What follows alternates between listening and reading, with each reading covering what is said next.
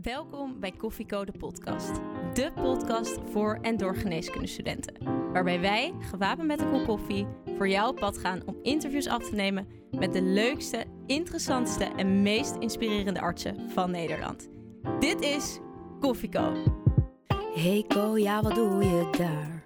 Er staat een carrière voor je klaar. Maar je weet nog niet wat en waar. Een cappuccino maakt het minder zwaar. Dus zet je volumeknop omhoog. Want je luistert Koffie Co en je weet het zo. Papa, papa, para, para. Welkom bij Koffieko de podcast, de special. Wij zijn Doris en Eva. en in de special behandelen wij vakoverstijgende onderwerpen binnen de geneeskunde. Vandaag gaan wij een bijzonder gesprek voeren over het onderwerp bevlogenheid. Ja, want wat is bevlogenheid eigenlijk? En wat gebeurt er als je bevlogenheid kwijt bent? Daarover gaan wij vandaag in gesprek met dokter Bert Arets, kinderlongarts in het Wilhelmina Kinderziekenhuis en bovendien een bevlogen dokter en associate hoogleraar medisch onderwijs met veel aandacht voor dit onderwerp. Bert, welkom. We hebben afgesproken dat, ik, eh, dat we jou Bert mogen noemen, hè? Hou zo. Klopt het een beetje hoe ik je voorstelde? Ja, dat denk ik wel. Ik denk dat je een aantal dingen van mij goed verteld hebt. Uh, met name mijn bevlogenheid voor onderwijs en ook mijn bevlogenheid voor alles wat met dat onderwijs te maken heeft. En met name met studenten die uh, ik probeer te begeleiden in hun uh, professionele ontwikkeling. En daar hoort heel veel bevlogenheid en veerkracht en enthousiasme bij. Bert, we zitten hier nu in het WKZ op jouw werkplek. Iedere ochtend loop jij hier het ziekenhuis binnen. Wat voor gevoel krijg je daarbij? Nou, ik krijg uh, nog steeds het gevoel dat ik elke dag met heel veel plezier naar mijn werk toe ga. Dat ik uh, elke dag dingen doe die ertoe doen. Dat ik daarbij heel veel tijd heb om uh, ja, aandacht te besteden aan de dingen die ik belangrijk vind. En dat is iets wat ik een jaar of 20, 30 jaar geleden, toen ik begon, dacht van ik moet echt gaan zoeken naar datgene wat mij energie geeft. En ik ben heel blij dat ik dat al, nou, toch zeker de laatste 20 jaar na mijn opleiding heb kunnen doen. Zo, dat is inderdaad een droom voor uh, menig geneeskundestudent, denk ik. Stel, wij staan nu beneden bij de koffiecorner en willen een koffietje voor jou meenemen. Hoe drink je hem dan? Ja, ook dat is iets wat ik eigenlijk bijna elke ochtend doe als ik binnenkom. Ik loop naar de koffiecorner toe en ik bestel een doppio cappuccino. Dan heeft u wel echt de cafeïne nodig. Niet nodig, maar ik vind wel dat ik ben een ontzettende cappuccino-liefhebber. Maar vind het moet niet te melkachtig worden. We gaan het vandaag hebben over hoe bevlogenheid te verbeteren en wat bevlogenheid eigenlijk is. En daar wilden wij vandaag mee beginnen. Wat is in jouw ogen eigenlijk de definitie van bevlogenheid? Daar heb ik vandaag over zitten nadenken natuurlijk. En het eerste woord wat bij me boven kwam was enthousiasme. En uh, enthousiasme en energie halen uit datgene wat je doet.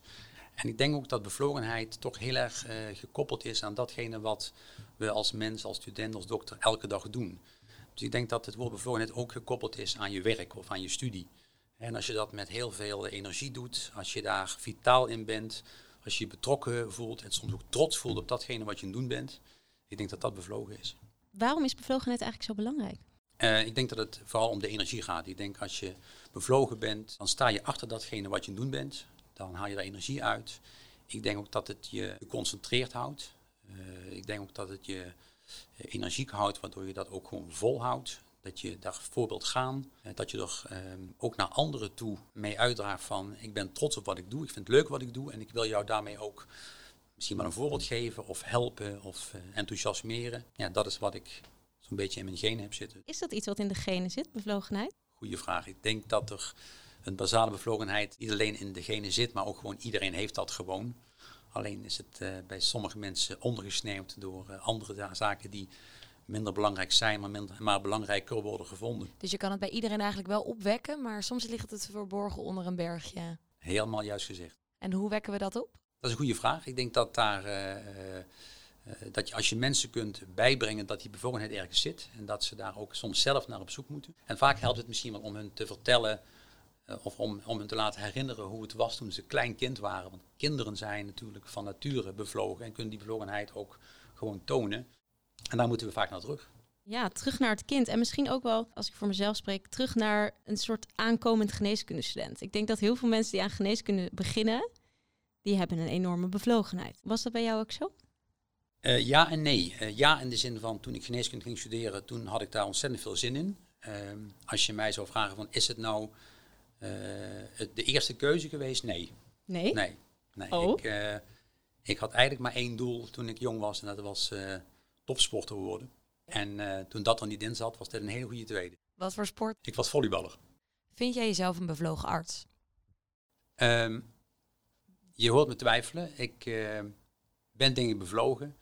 Maar ik denk dat ik ook nog wel bevlogen nog zou kunnen zijn. En met name voor de onderwerpen die je misschien in je dagelijkse werk binnen zorg of binnen onderwijs of binnen onderzoek wat minder leuk vindt, is het natuurlijk toch altijd net wat moeilijker om die bevlogenheid te houden. Je bent veel in contact met studentengeneeskunde. Is het over het algemeen zo dat studenten hier aankomen met een bevlogenheid van hier tot Tokio? Of hoe zit dat? Ja. Ja? Ja, dat is ehm, iets wat ik zeker, eh, zeker herken. En dat is ook iets wat de studenten uitspreken. Ik ben met name betrokken bij de zogenaamde SUMMA-studie. Dat is een, eh, een eh, studie die eh, niet alleen opleidt tot arts, maar ook tot onderzoeker. En een, eh, een iets verlengde, een vierjarige master. Waarbij er van tevoren een strenge selectie plaatsvindt. En ik denk dat bevlogenheid een van de dingen is waar wij soms zelfs ongemerkt op selecteren. En waarop wij dus ook mensen aannemen en misschien wel de 40 meest bevlogen mensen van dat moment laten starten met die studie. Maar het is ook zo dat dat hetgene is wat de studenten af en toe kwijtraken. En eh, ik vind het mooi om hier nog eens een keer een woord te introduceren wat, eh, wat door een student, ah, of sorry, door een artsonderzoeker eh, een jaar geleden voor de eerste keer naar mij toe benoemd werd. En wat misschien wel, wat mij betreft, het woord van 2020 had mogen worden. Namelijk bevlogenheidslakage. Omdat dat namelijk aangeeft wat veel studenten uitspreken. Dat namelijk in de loop van het eerste jaar, ze zeggen van we merken dat we door wat dan ook, en dat is heel vaak onduidelijk, dat we bevlogenheid en enthousiasme verliezen. En ehm, wij denken dat een stukje teleurstelling eh, met zich meebrengt. En dat de teleurstelling ook optreedt bij studenten die misschien zo eager, zo gedreven, zo gemotiveerd en zo bevlogen waren, ja, dat het alleen maar minder kan worden bijna. Als je dan eh, een, een studie die je misschien ook nog helemaal verheerlijkt, want ja, je wordt, eh, je wordt dokter en eh, dat is iets wat ik altijd gewild heb en dit was mijn laatste kans en nu ben ik ook nog aangenomen. Ja, dan kun je bijna alleen maar nog tekortschieten als opleiding. En zeker in de ogen van deze heel bevlogen mensen, Op welke manier probeert de opleiding daar eh, een stokje voor te steken? Ja, dat is een hele goede. Dat, dat is een van de dingen die we graag zouden willen weten. Want we, weten, we weten eigenlijk toch niet goed wat je daar als opleiding aan kunt doen. Dus daar zijn we ook op dit moment eh, met een stukje onderzoek naar aan het kijken of we daar achter kunnen komen. We zijn er wel heel bewust van dat dat eh, nogmaals niet, waarschijnlijk niet alleen in de opleiding of in het onderwijs moet worden gezocht. Maar dat het ook wel iets eh, met die, be- die, die bekende genen, met die bekende aanleg, met die persoonlijkheid van de studenten zelf te maken heeft. Ja, maar als, een, als iemand heel bevlogen en heel enthousiast binnenkomt en het neemt dan toch af in de loop van de tijd, ja, daar, daar zou dan toch echt iets moeten veranderen. Dat is zo zonde. Ik vind het heel interessant wat je nu zegt. Want eigenlijk hebben we het over dat bevlogenheid is zo belangrijk. En dat beschermt je om, om, eh, om te kunnen gaan met de werkdruk. En het beschermt je om een goede dokter te kunnen zijn. En aan de andere kant zeg je, maar soms komen mensen te bevlogen aan. En dat is dan juist een risicofactor om de, de bevlogenheid te verliezen. Ja. Ja. Best wel tweestrijdig of zo, vind je niet? Dat is ook heel moeilijk. Ik weet nog heel goed dat ik twee jaar geleden bij een congres zat waarbij een, eh, een spreker uit, ik dacht dat het Zuid-Korea was, het eh, een fantastisch verhaal hield over bevlogenheid. En die zei enerzijds dat mensen bevlogenheid eh, verliezen als ze naast hun studie nog veel te veel andere balletjes in de lucht proberen te houden. En ook in allerlei andere dingen natuurlijk goed, zo niet de beste willen zijn. Daar overigens ook, daar hebben het over selectie, ook daar misschien wel op geselecteerd worden. Hè? Want je moet niet alleen een goede dokter willen worden, maar toch alle andere balletjes ook in de lucht willen houden.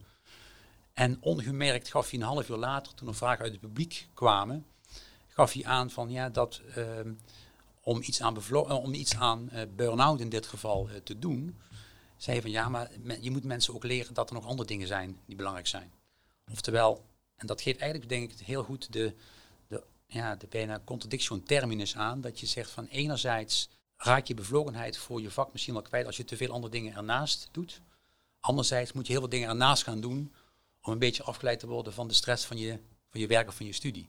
En daarbij om op dit moment als student, als ik voor ons mag spreken, überhaupt te worden aangenomen voor een vak. Je moet Ja. heel veel. We Ja. moeten heel veel. Ja. we moeten en slim zijn en promoveren Precies. en kliniek. We moeten alles. Ja. Ik denk nog steeds dat wij als, eh, als opleiding, dat wij mensen aannemen op allerlei eigenschappen, op allerlei kenmerken die iemand heel erg burn-out prone maakt. Oftewel, die, die iemand ja, een grotere kans geeft om die bevlogenheid misschien ook weer te gaan verliezen. Kun je die eigenschappen eens opnoemen? Wat zijn die eigenschappen? Ik denk dat mensen zeer gedreven zijn, dat ze zeer competitief zijn, eh, een hoog streefniveau hebben, vaak eh, weinig teleurstellingen hebben gekend.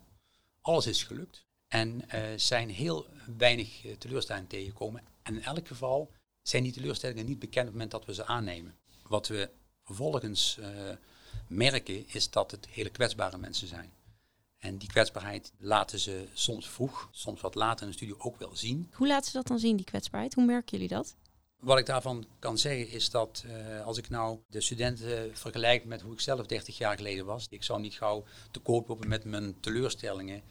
En wat ik ontzettend goed vind, is dat er een openheid is ontstaan voor klachten die wij vroeger liever verborgen hielden. En waar we nu mensen, ik heb nu studenten die letterlijk naar mij toe komen. Waarschijnlijk ook omdat je de openheid biedt om hierover te spreken. Maar ook, ze nemen ook de openheid om gewoon tegen te zeggen van... eh, ik wil je even doorgeven dat het de laatste tijd niet zo goed met me gaat. En ik heb al een, een psycholoog gezocht in de eerste lijn die mij gaat helpen.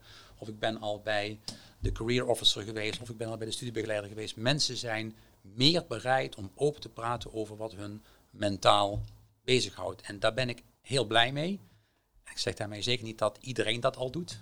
Maar ik denk wel dat, dat het heel goed zou zijn als we die dingen bespreekbaar maken. En dat mensen ook zich openstellen om daarin begeleid te worden, coaching te zoeken. Ik heb een paar jaar geleden gezegd van ik denk dat over twintig jaar er geen arts meer is die, die normaal functioneert zonder coach. Iedereen heeft een coach straks. Maar hoe komt het dat wij daar nu meer aandacht aan besteden dan 30 jaar geleden? Eh, dat weet ik niet. Ik ben nog steeds van mening dat je bevlogenheid niet als echt het tegenovergestelde van burn-out moet zien. Ik denk dat bevlogenheid een van de aspecten is, naast veerkracht, autonomie, eh, resilience in het Engels, die een soort tegenhanger van burn-out zijn. Maar ik denk ook dat we burn-out niet als een te zeer moderne ziekte moeten zien. Hè. De, de Fransen spraken bijna een eeuw geleden al over surmenage. Wij hadden het vroeger over mensen die overspannen zijn. Ja, ik denk dat dat grosso modo natuurlijk wel op hetzelfde ongeveer neerkwam. Alleen, wat jij terecht zegt, het was toen uh, op een of andere manier minder bespreekbaar. Nog even over het woord bevlogenheid, want je zegt heel duidelijk dat zijn enthousiaste, extraverte mensen. Maar kan je ook bevlogen zijn uh, als je introvert bent? Ja, dat denk ik wel. Ik denk niet dat je bevlogenheid altijd hoeft te externaliseren. Het is niet iets wat je, wat je moet uiten, waar je expressief moet zijn. Als jij diep in je binnenste heel erg uh, tevreden bent met wat je doet, trots bent op wat je doet, uh, enthousiasme daaruit haalt en daar energie uit haalt die je, die je gebruikt om goed te functioneren, dan is dat ook bevlogenheid. Het hoeft niet altijd met hele sprekende ogen of met allemaal bewegingen of expressief te, te, worden geuit. Maar bevlogenheid kan je wel brengen op plekken zoals, dat was eigenlijk wat je net zei, uh, dat jullie eigenlijk hebben geselecteerd bijna bij de summa-opleiding op bevlogenheid. Ja. Dus toch is het wel goed om dat een beetje te externaliseren ja. of te laten zien. Ja, maar ik zei net denk ik ook dat we een beetje selecteren op eigenschappen die iemand misschien wel burn-out prone maken. Ja, moeten we eigenlijk terug naar een loting, Bert? Nou, ik sluit me graag aan bij wat, uh, wat Marcel Levy een paar maanden, misschien al een jaar geleden, in zijn column in het Medisch Contact heeft gezegd. Dat hij uh, in Engeland, waar hij nu werkt, te maken heeft met mensen die nog steeds via loting of via allerlei andere selectiemethodes worden geselecteerd voor de studie geneeskunde en later ook voor hun internships en hun assistentschappen en hun specialistenopleiding. En dat hij niet kan zeggen dat dat nou beter of slechter is of dat het meer of minder mensen oplevert die dit soort klachten hebben. Um, ik denk dat, dat loting, uh, dat dat ook met een beetje natuurlijke selectie gepaard gaat. Hè. Je doet een loting, je neemt mensen aan, je neemt daar misschien wel, uh, met een ander toverwoord, uh, een veel diverser artsen of toekomstig artsenpubliek aan. Wat ook helemaal niet verkeerd zou zijn. Hè. Dat, we gaan natuurlijk toch stiekem, als je gaat selecteren, ga je ook op allerlei select dingen selecteren die de uniformiteit van artsen, denk ik, heel erg bevordert. En daarmee uh, diversiteit in de weg kan staan. Dus terugkomend op je vraag, ik denk dat loting niet per definitie minder goede artsen oplevert, misschien wel een tegendeel. Ik hoor dat je nu al een paar keer het woord burn-out laat vallen. Volgens mij doe je er veel onderzoek naar. Hoe staan we ervoor in Nederland, in de medische wereld? Vertel ons nou eens even, Ja. er wordt zoveel over geschreven. Ja. Hoe staan we ervoor? Ik denk dat op alle eh, plekken in Nederland, van alle beroepen, eh, neemt burn-out toe. We zijn er denk ik ook alerter op. We kijken er meer naar. Het, heeft, het is een soort uh, moderne term geworden. Iedereen kent het. Dus er is ook een hoger bewustzijn van uh, burn-out. Ik denk dat het echt toeneemt. Uh, we hebben het idee dat dat in bepaalde vakken, misschien wel geneeskunde, dat dat meer voorkomt.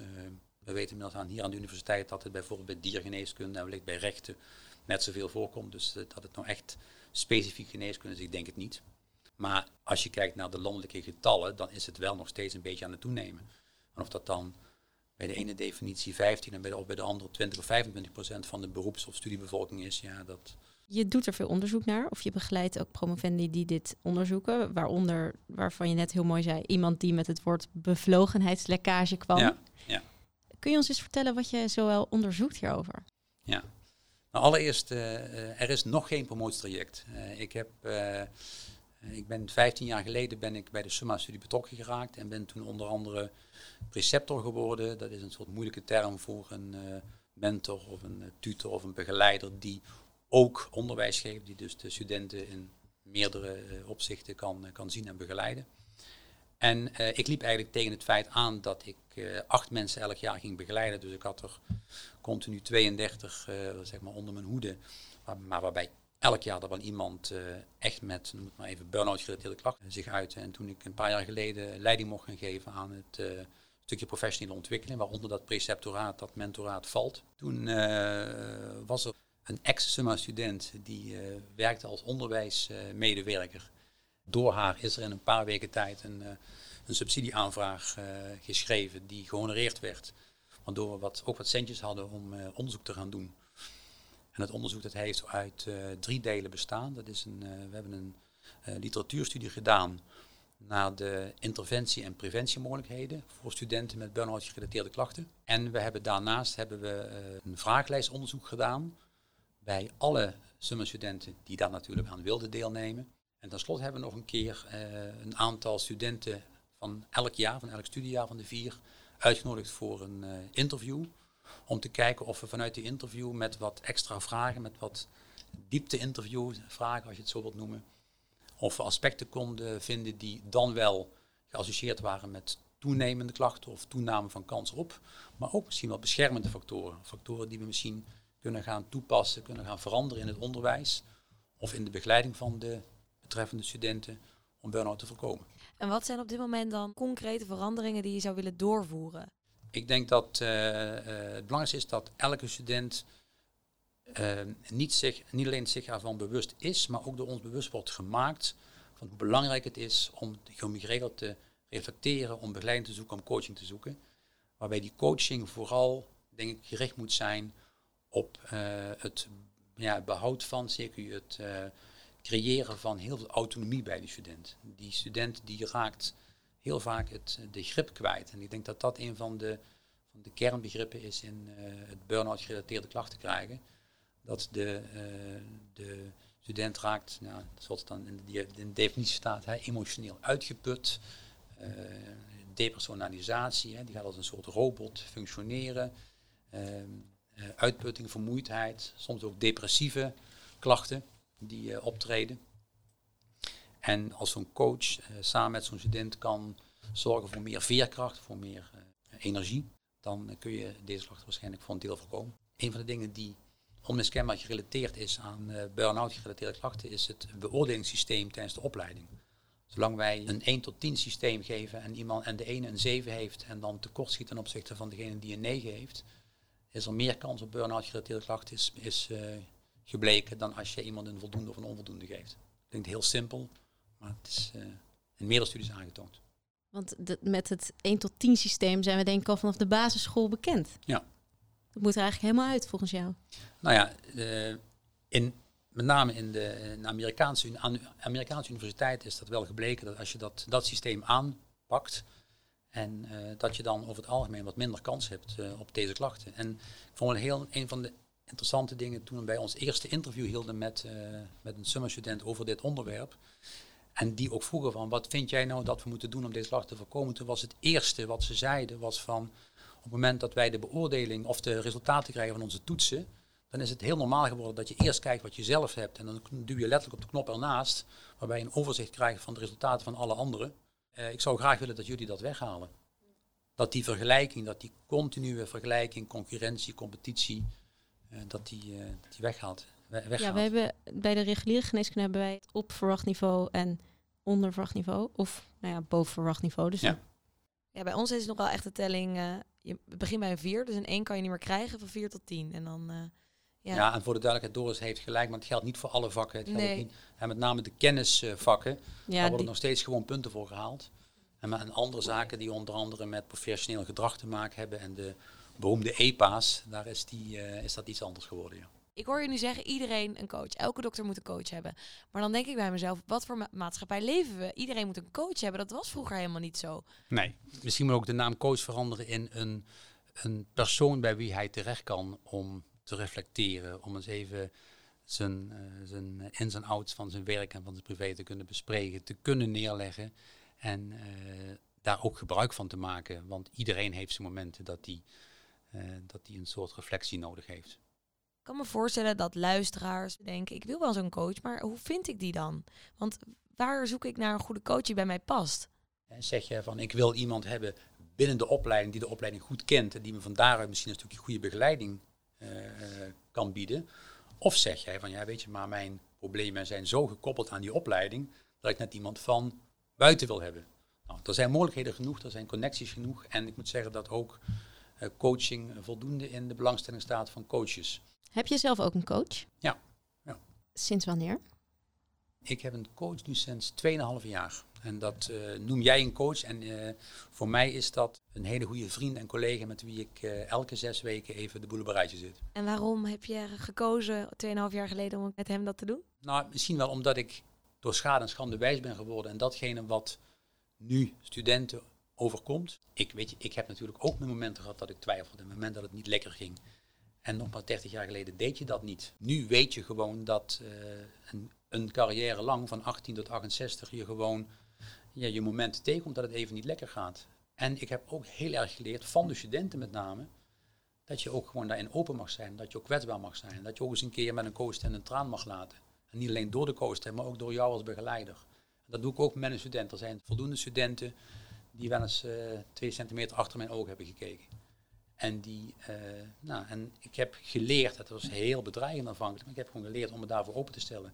En dat doe ik dus nu ook met die, met die persoon die mij begeleidt. Ik kan me heel goed voorstellen dat als je 50 jaar in de zorg werkt als dokter of als geneeskundestudent en daarna word je artsassistent en daarna word je misschien specialist, dat dat kan niet alleen maar leuk zijn. Er komen gewoon momenten die minder leuk zijn. Kun je ons dus meenemen in zo'n moment in jouw leven, wanneer het minder leuk was? Of wanneer je misschien, ja, in moderne termen met burn-out te maken hebt gehad? Ja, als je me dat zo vraagt, ik geloof niet dat ik echt ooit bevlogenheidslekkage heb gehad, maar ik heb zeker momenten in mijn, eh, in mijn opleiding, maar ook daarna gehad, dat ik het wel even heel moeilijk had. Dat ik het niet zag zitten en dat ik geconfronteerd werd door bijvoorbeeld eh, door anderen met mijn tekortschieten, met mijn falen. En dat me dat toen vooral ook eh, ja, alleen maar verder in de put duwde. En misschien inderdaad wel achteraf, dan, zoals ik het nu vertel, toch wel bevlogenheidslekkage gaf. En eh, ik heb vooral geleerd om, eh, om daar toch zelf het heft in handen te houden. Om daar autonoom in te zijn. En ook van jezelf te accepteren dat het niet altijd goed kan zijn.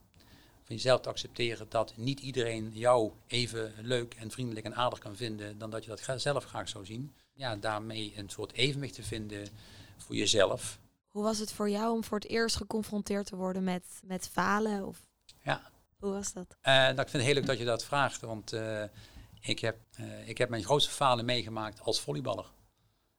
Waarbij ik in een eredivisie team mijn, mijn opwachting mocht maken en gewoon echt gefaald heb, omdat ik zoveel trilling en zoveel zenuwachtigheid in mijn vingertjes had. Ik was spelverdeler, zoals dat heet, dus daar moet je, moet je heel slim met je handjes kunnen zijn. En dat ging helemaal fout. En dat heb ik eigenlijk ook als falen gezien en zeker, zoals ik jullie een half uur geleden vertelde, van ja, volleybal was mijn leven. Dat, dat wilde ik veel liever dan, dan geneeskunde op dat moment. En ik heb toen echt voor mezelf ook gefaald. En dat heeft ook faalangst met zich meegenomen. Hè? Want eh, als je dat dan één keer gebeurt, dan ga je de volgende keer niet met een eh, heel trots en zelfbewust gevoel eh, weer de sporthal in. Dit is iets wat denk ik heel lange tijd geleden is Ja. gebeurd. Ja. En toch neem je het nog mee. Ja. Je praat er nog over alsof het, Ja. alsof het vers is. Nou, en wat dat betreft, uh, ik vind het leuk om dat hier een keer te noemen. Wij hebben in overleg met uh, professor Bond, Louis Bond, die uh, binnen het zogenaamde Tulips-programma ehm, faalangst als item heeft genomen voor begeleiding van, van jonge promovendi en onderzoekers. Die zei van dit is zo goed en zo leuk dat we dat ook inmiddels bij Summa aan het doen zijn. Dus we hebben, zeker voor eerstejaars, hebben wij een zogenaamde Fail Fast workshop. Oké. En dat klinkt heel erg negatief. Maar dat is heel positief, want wij willen op die manier uh, inderdaad een opening bieden aan het feit dat iedereen wel eens een keer faalt. Dat dat niet tot faalangst mag leiden, maar dat je soms misschien wel een keer zo snel mogelijk moet falen om daar beter van te worden. En wij beginnen met z'n tweeën die workshop eigenlijk altijd met ons eigen falen. En hij spreekt dan heel vaak over zijn, zijn belangrijke falen, zoals hij een keer een, weet ik wat, ik weet niet meer, een beurs niet kreeg of een, of een tijdschriftartikel werd afgewezen. En ik noem, ja, toen ik die workshop een jaar of drie geleden voor het eerst ging voorbereiden, dacht van ja, wat is nou mijn faalmoment geweest? En dat was dit. En hoe reageren studenten daarop dat hun begeleiders zo'n open en eerlijk verhaal durft te delen? Uh, dat was ontzettend spannend. Want uh, toen Louis en ik dat de eerste keer deden, we dachten echt van, het kan ook helemaal falikant misgaan. We hebben het zelfs voorbesproken met de opleidingsraad, dus van, mogen we dit wel gaan doen? En uh, toen best bang dat mensen echt zouden instorten of wat dan ook. En allereerst denk ik dat we erin geslaagd zijn om een sfeer neer te zetten uh, waarbij ze ons echt niet meer als je superdokters zien. En zeker niet nadat we alles verteld hebben. Maar vooral dat we een opening hebben geboden en een platform hebben geboden om dit soort dingen bespreekbaar te maken. En ik vind het nog altijd zeer motiverend ook om te zien hoe dan, als wij ons verhaal hebben gedaan, hoe daarna studenten die elkaar bij wijze van spreken allemaal voor de eerste keer zien, met elkaar in gesprek gaan over hun falen. Ja, dat is fantastisch. Dus eigenlijk heb jij jouw falen van vroeger, waar je misschien wel nou, niet eens aan terug wilde denken, heb je helemaal omgezet en tot iets gemaakt waar je anderen mee probeert ja, uit de tent te lokken om daar eens over na te denken. Ja, niet uit de tent lokken, maar uh, bewust maken dat falen normaal is. Dat falen mag. En dat falen ook best je verdrietig mag stemmen. Falen is ook een, een, vaak een innerlijke strijd. Dan haal ik graag de woorden aan van uh, Nelson Mandela. Die uh, zegt van, in a battle I never lose, I win or I learn ik denk dat dat voor falen ook uh, geldt, dat je daar uiteindelijk beter van wordt. Bert, ik merk aan dit gesprek dat je heel bevlogen bent om studenten te helpen. Waarom ben je zo begaan met die studenten? Nou, ik denk dat ik onder andere dat heb omdat ik uh, ja, tegen hun verdriet aanloop, tegen hun, uh, tegen hun burn-out klachten aanloop. en ik niet alleen hoor, maar heel vele mensen binnen Summa en binnen andere opleidingen ook dus het is echt een heel belangrijk thema ook binnen de hele universiteit, binnen het UMC Utrecht. Is het echt een van de thema's is veerkracht en bevlogenheid, behoud niet lekkage. Ja, maar nu ga je eigenlijk vanuit de universiteit praten. Maar waarom jij dan? Omdat ik, ja, omdat ik hun, hun, hun toch wil helpen. Ik wil hun helpen om, uh, om die energie te houden die ik, die ik zelf in elk geval zo heb. En misschien wel heb teruggevonden nadat in het begin natuurlijk ook, iedereen heeft dat nogmaals gehad. Dat er wel eens een keer tegen zat. En, en nu nog steeds. Je hebt natuurlijk altijd momenten dat het minder gaat. Maar ik, ik ben wel blij dat ik, dat ik die beloning heb gevonden. En ik wil dat zo graag dat zij dat ook hebben en houden. En niet kwijtraken. We hebben het nu veel over studenten. Je bent ook specialist. je werkt hier als kinderlongarts. Hoe is het bij de collega's? Is de bevlogenheid nog een beetje te vangen? Ik werk als kinderlongarts. Ik werk in een team van, van vier mensen. Um, wij denken dat wij een hele goede sfeer hebben onderling. Dat we voor elkaar zijn. En dat we met name ook er voor elkaar zijn als de ander het moeilijk heeft. En uh, dus daarmee zeg ik al meteen dat het zeker niet zo is dat er uh, binnen onze groep geen mentale of burn-out geassocieerde klachten voorkomen. Maar dat elkaar wel ontzettend helpen. En daarmee heb je ook meteen een van de dingen genoemd, denk ik, die, uh, die wat mij betreft belangrijk zijn. gezondheidszorg is samenwerken. En samenwerken is een belangrijk iets en ik hoef je niet te vertellen dat samenwerken wat moeilijker is geworden in de afgelopen maanden.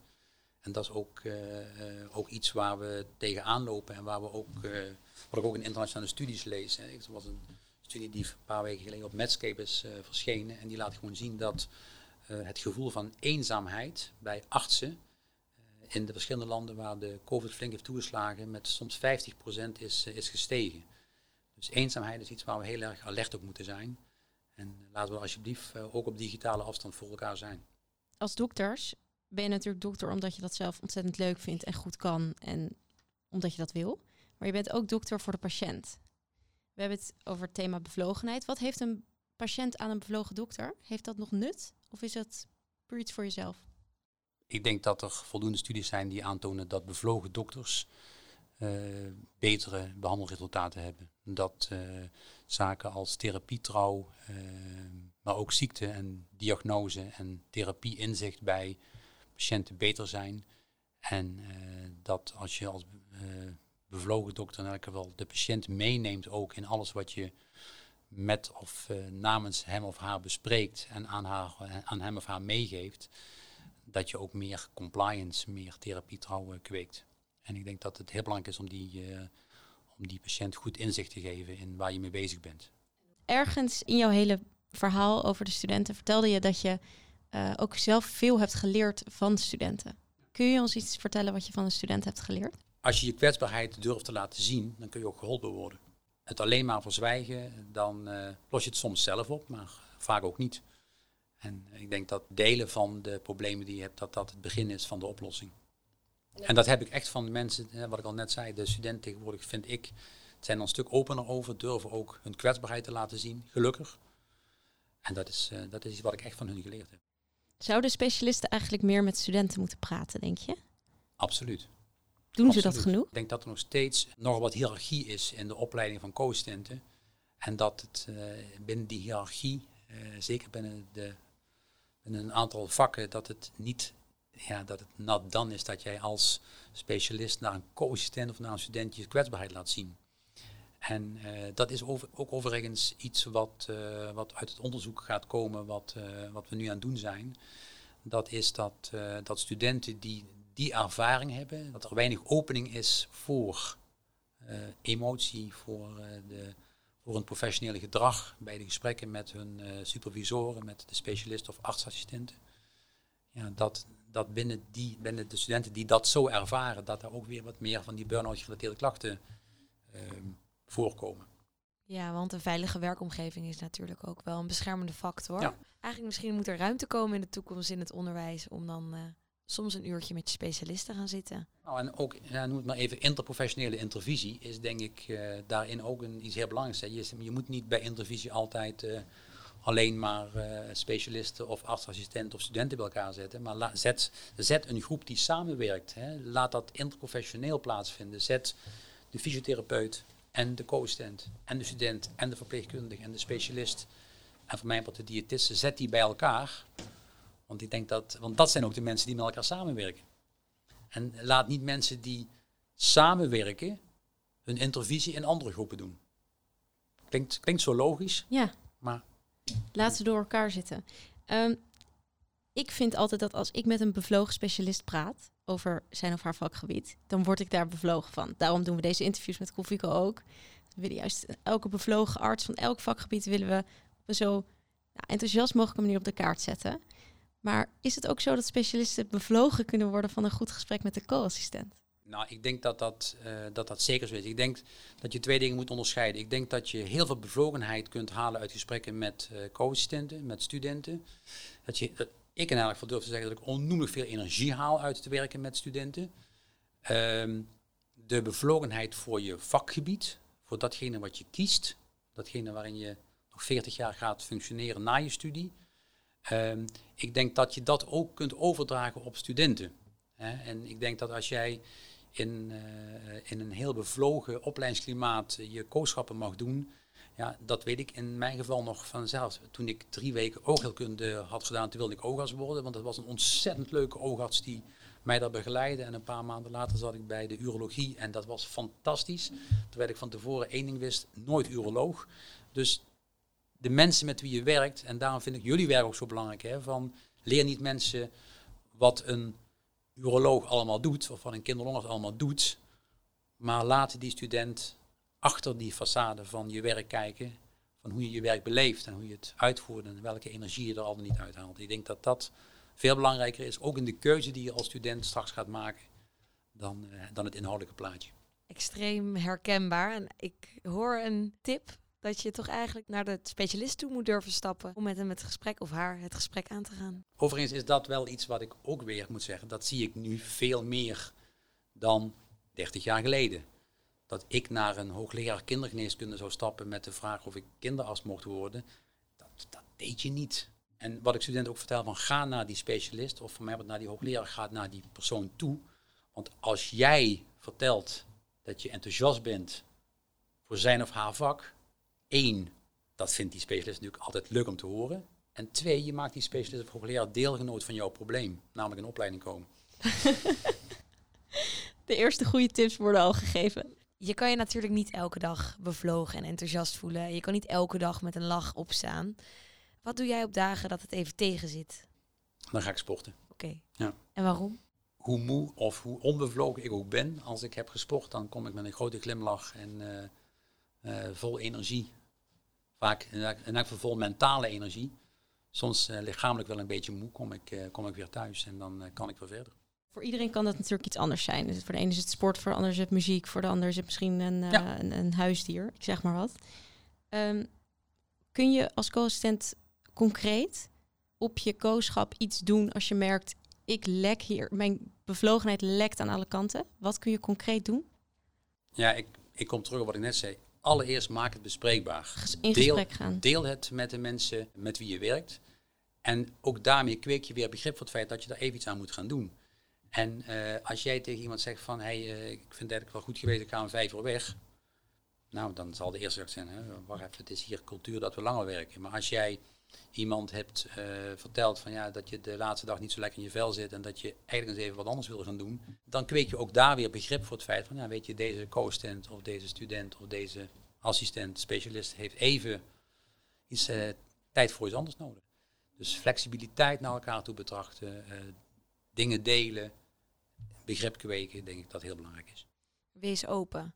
En Ja. durf jij bijvoorbeeld een student er ook op aan te spreken als je merkt dat die wat minder lekker in zijn of haar vel zit? Ik wil wel eens tegen een student zeggen, van, als ze het zelf niet vertellen, van, eh, is het niet tijd dat jij eens even lekker naar huis toe gaat. En vanavond de kroeg in en eh, morgen, morgen zie ik je weer.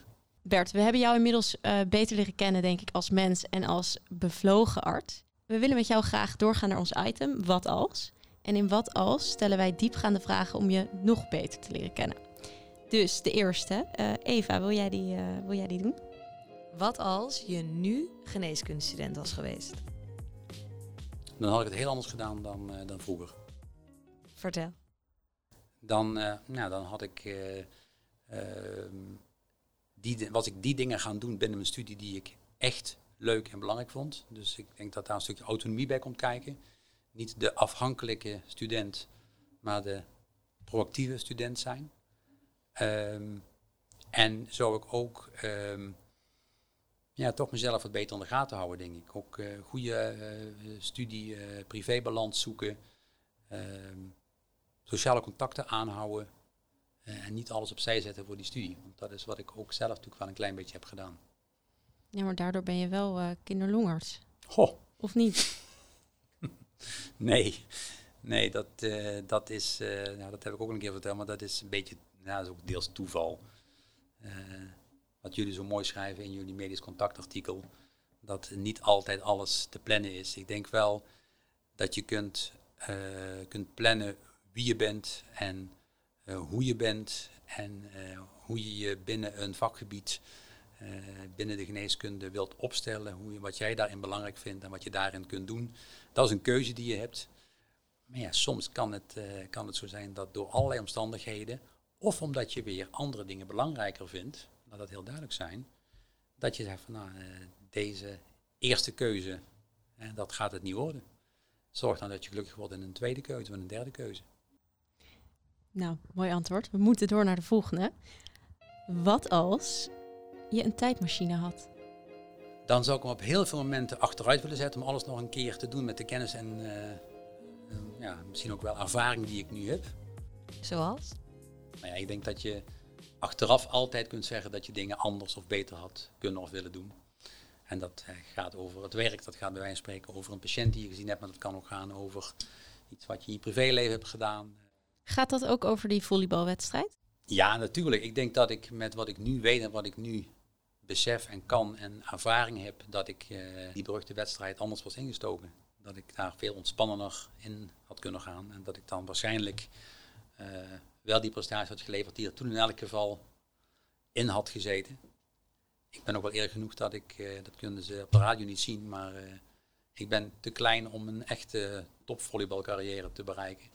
Maar dat was dan in elk geval wel waarschijnlijk beter gegaan, die, dat ene moment. Ja, misschien had je dan veel vast, al helemaal nooit opge, opgezet. Vastveling, hoe heet het? veel vast. Ehm, jawel, dat denk ik wel. Dat denk ik wel. Omdat, uh, daar ben ik ook heel erg in, het initiatief daartoe is van Louis Bond gekomen. Oké. Alleen paste mijn verhaal er prima in. er zijn altijd faalmomenten. Nou, Bert, ontzettend bedankt voor je eerlijke en open interview. we eindigen dit interview, het interview eigenlijk altijd met een tip voor de co-assistenten, voor de jonge dokters, voor onze luisteraars. Wat zou jij hen willen meegeven? Ja, ik denk het belangrijkste is inderdaad, wees eerlijk en dan vooral naar jezelf toe. Wees eerlijk, stel je open, laat je helpen en stel je kwetsbaar op. En uh, als, ik, als ik dat bereikte, denk ik dat dat het begin is van heel veel uh, resilience, van heel veel bevlogenheid. En laten we samen met de studenten, samen met deze onderwijsinstelling zoeken naar uh, andere methoden die er nog zouden kunnen zijn om deze bevlogenheid te behouden en de burn-out gerelateerde klachten te voorkomen. En daar gaan we zeker de komende jaren meer over horen. Dankjewel voor ook deze mooie tip weer. Het interview zit vol met tips, dus uh, volgens mij kun je er wel een lijstje, een lijstje op nahouden. We zijn bij het einde gekomen van deze special. Bert, ontzettend bedankt dat we hier bij jou mochten zijn in het Wilhelmina Kinderziekenhuis. Het was heel erg leuk om met je te praten. Wat vond je ervan? Ik ben toe aan koffie. Nou, gaan we dat doen. Sluiten we hem daarmee af? Als jullie de podcast leuk vinden, moet je ons natuurlijk blijven volgen op Instagram, Facebook, LinkedIn. We blijven uh, nieuwe afleveringen opnemen, nieuwe content posten. En uh, wij horen graag of jullie nog leuke input hebben voor komende interviews. Dank jullie wel voor het luisteren en tot de volgende keer bij Koffiecode Podcast.